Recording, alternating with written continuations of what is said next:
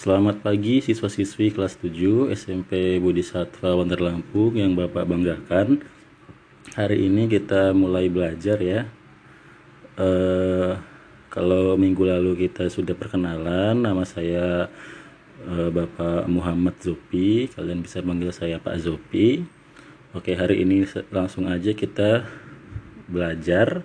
Kalian silahkan siapkan uh, buku catatan, pulpen, dan peralatan lain yang bisa kalian pakai untuk belajar hari ini. Kalian hanya cukup mendengarkan materi yang saya berikan, lalu kalian simak dan kalian catat. Supaya apa? Supaya nanti kalian punya catatan dan kalau nanti saya memberikan tugas atau soal kalian bisa melihat catatan itu dan ini juga bisa bermanfaat untuk kalian nanti UTS atau UAS. Materi pertama yang akan saya berikan adalah kalau di seni budaya kelas 7 itu kurikulum 2013 edisi revisi bab 1 adalah menggambar flora, fauna dan alam benda. Seperti itu ya. E, jadi di kelas 7 itu kalian istilahnya diberikan pengetahuan tentang bagaimana kita bisa menggambar bentuk objek berupa flora, fauna, ataupun alam benda. Kalau flora itu berkaitan dengan segala jenis tumbuhan, bisa berupa pohon, bisa berupa rumput, bisa berupa bunga, kembang, bisa juga berupa buah-buahan atau lumut juga sekalipun itu bisa. Itu kalau flora. Kalau fauna itu gambarnya berkaitan dengan segala jenis hewan.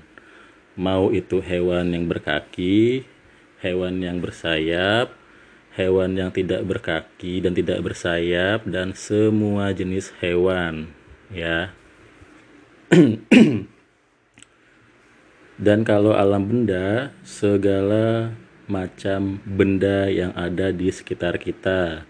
Contohnya benda yang bisa digunakan seperti kursi, meja, lemari, terus uh, hiasan dinding, terus vas bunga dan sebagainya. Dan ada juga benda yang sifatnya natural, sudah ada tanpa harus dibuat manusia. Kalau meja, kursi tadi kan bendanya uh, dia bisa ada karena diciptakan manusia. Tetapi kalau benda yang satu ini dia sudah ada dengan sendirinya berkat ciptaan Tuhan. Si misalnya itu adalah gunung, laut, tanah, batu dan sebagainya. nah, bagaimana sih supaya kita bisa menggambar bentuk-bentuk flora, fauna dan alam benda dengan baik?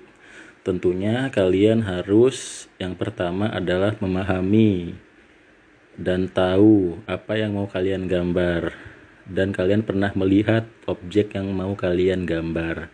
Misalkan kalian mau gambar uh, kucing.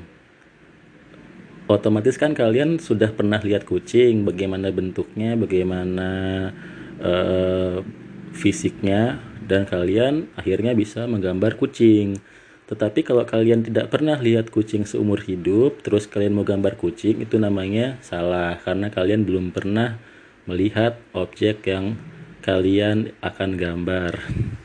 Misal lagi, kalian mau gambar pemandangan e, alam bawah laut. Di alam bawah laut itu ada terumbu karang, ada ikan, ada ganggang, ada yang namanya eh, ubur-ubur, terus ada lagi yang namanya arus laut segala macam kalau kalian belum pernah nyemplung ke dalam laut atau bahkan juga kalian belum pernah lihat di televisi bagaimana isi dalam laut ya kalian nggak bisa ngegambarnya karena kalian nggak pernah ngeliat kalau kalian nggak pernah ngeliat kalian nggak ada rekaman memori di otak kalian tentang apa yang kalian lihat. Gitu ya. Jadi kalau menggambar itu, gambarlah sesuatu yang sekiranya pernah kalian lihat atau pernah kalian e, rasakan dalam pengalaman hidup kalian. E, sebenarnya sah aja kalau kalian mau gambar sesuatu yang belum pernah kalian lihat, tapi itu nanti sifatnya gambar yang e, deformatif. Nanti bisa ujung-ujungnya ke abstrak. Kalau gambar abstrak itu itu adalah materi untuk uh, pelajar yang sudah di bangku kuliah sebenarnya. Jadi bukan level materi kalian. Kalau level materi kalian untuk saat ini adalah menggambar sesuai dengan apa yang pernah kalian lihat. Selanjutnya, kalau mau menggambar pasti harus menyediakan peralatan ya, misalkan pensil. Pensil itu gunanya untuk membuat sketsa dan membuat uh, guratan-guratan. Ya, guratan-guratan gambar. Lalu ada spidol. Spidol itu sebenarnya bisa digantikan juga dengan ballpoint. Intinya untuk mempertebal sketsa yang sudah kalian buat. Nanti kalau sudah kalau sketsa yang dibuat dari pensil itu sudah ditimpah oleh spidol, pensilnya bisa dihapus menggunakan penghapus. Lalu ada pewarna. Pewarnanya kalau untuk gambar yang dibuat menggunakan pensil atau ballpoint atau spidol, maka pewarnanya juga harus uh, sifatnya kering, misalkan krayon, terus pensil warna, stabilo, terus apa namanya eh pensil warna yang kalau kalian pernah lihat yang dia bentuknya kayak ballpoint nah itu bisa juga tetapi kalau gambar yang kalian buat dengan pensil terus kalian warnai dengan cat air itu nggak cocok. Karena kenapa? Warna cat air itu di akan e, memudarkan sketsa yang udah kalian buat. Dan juga biasanya kalau gambar yang dibuat menggunakan pensil medianya adalah kertas bukan kanvas. Kertas sifatnya menyerap air. Artinya kalau kalian mewarnainya menggunakan cat kertasnya akan tembus dan basah kalau sudah basah dia bisa berlubang berbeda dengan kanvas kalau kanvas itu terbuat dari kertas yang lebih tebal bahkan ada yang terbuat dari kulit nah itu dia sifatnya tidak tidak tembus air. Dia menyerap air tetapi tidak sampai tembus karena dia punya ketebalan dan punya daya serap yang bagus. Seperti itu ya.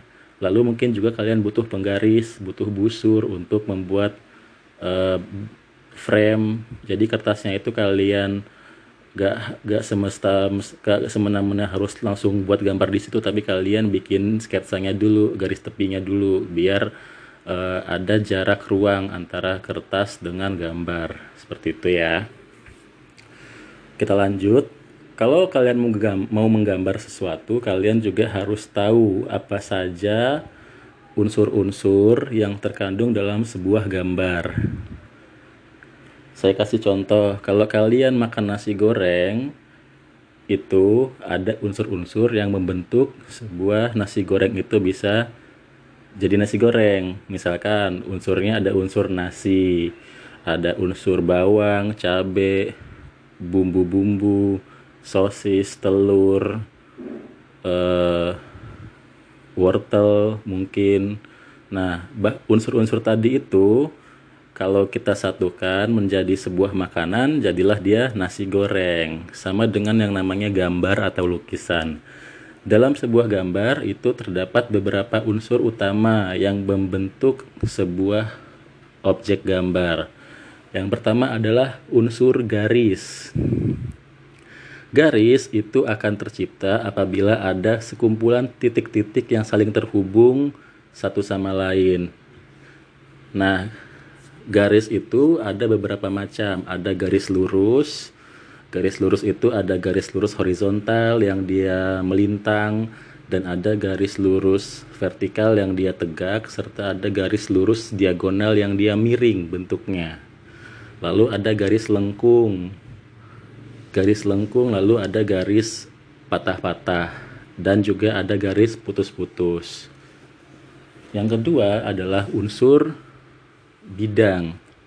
Bidang itu adalah kumpulan dari beberapa garis yang membentuk suatu eh, ke ruangan datar. Misalkan ada dua ada tiga garis panjang apabila disatukan digabungkan ketiganya akan membentuk yang namanya bidang segitiga. Misalkan ada lagi ada garis lengkung. Dua garis lengkung yang disatukan akan membentuk bidang lingkaran. Lalu garis miring atau diagonal. Dua garis diagonal apa empat garis diagonal apabila dihubungkan akan menjadi bidang jajar genjang. Seperti itu. Unsur yang ketiga adalah unsur warna warna itu adalah keadaan permukaan suatu benda yang terpapar oleh sinar warna itu sendiri ada eh, terbentuk dari adanya pancaran sinar yang memiliki uh, foton. Foton itu adalah unsur pembentuk suatu warna dan cahaya. Kalau dalam seni rupa ada tiga warna primer atau warna utama yang warna warna-warna ini adalah induknya dari semua warna yang ada di dunia. Tiga warna itu adalah warna merah, warna kuning, dan warna biru setelah warna ada lagi yang namanya unsur eh, tekstur nah tekstur ini adalah keadaan kesan permukaan suatu objek gambar yang dihasilkan dari teknik pewarnaan. Rumusnya semakin warna yang kita berikan pada objek itu warnanya semakin tebal maka tekstur kesannya akan semakin dalam. Semakin tipis warna yang diberikan maka tek kesan teksturnya adalah semakin uh, tipis atau uh, rendah seperti itu ya nah keempat unsur ini yang bisa kalian jadikan patokan untuk bisa membuat gambar flora, fauna, dan alam benda Nah, bagaimana sih cara kita bisa membuat gambar yang bagus? Tentunya yang pertama kalian harus mempersiapkan semua peralatan yang dibutuhkan. Yang kedua, kalian harus tahu kalian mau gambar apa. Kalau kalian mau gambar tanaman, jangan gambar flora, eh jangan gambar fauna. Kalau kalian mau gambar binatang, jangan kalian gambar tanaman seperti itu jadi harus jelas apa yang mau kalian gambar nah yang ketiga kalian membuat yang namanya garis tepi supaya kalian bisa e, memperkirakan gambarnya mau segede apa seperti itu. Baru deh kalian buat Eh, bentuk-bentuk guratan objek misalkan mau gambar bunga kalian bikin lingkaran dulu terus kalian berikan aksen garis-garis melengkung jangan jadilah dia sebuah bunga seperti itu. Dan seperti itu juga untuk yang lainnya. Ini sifatnya terserah kalian ya mau kalian gambar apa. Yang penting gambarnya itu jelas dan e, terlihat rapih dan bagus. Setelah gambarnya dibuat di oleh menggunakan pensil kalian warnai dengan pewarna tadi. Kalau sudah baru deh gambarnya siap untuk kalian pajang seperti itu. Nah itu saja materi yang bisa Bapak sampaikan untuk kalian. Materinya dicatat kalau sudah dicatat kalian foto. Fotonya dikirim ke grup WA mata pelajaran seni budaya kelas 7 yang udah kalian buat. Dan kalau ada pertanyaan, kalian bisa tanyain langsung dengan cara WA ke WA pribadi saya atau bisa kalian langsung tanyakan di grup WA yang sudah kalian buat. Batas waktunya saya tunggu sampai jam 4 sore. Terima kasih anak-anak, semoga materi kali ini bisa kalian uh, cerna. Kurang lebihnya saya ucapkan terima kasih. Selamat pagi.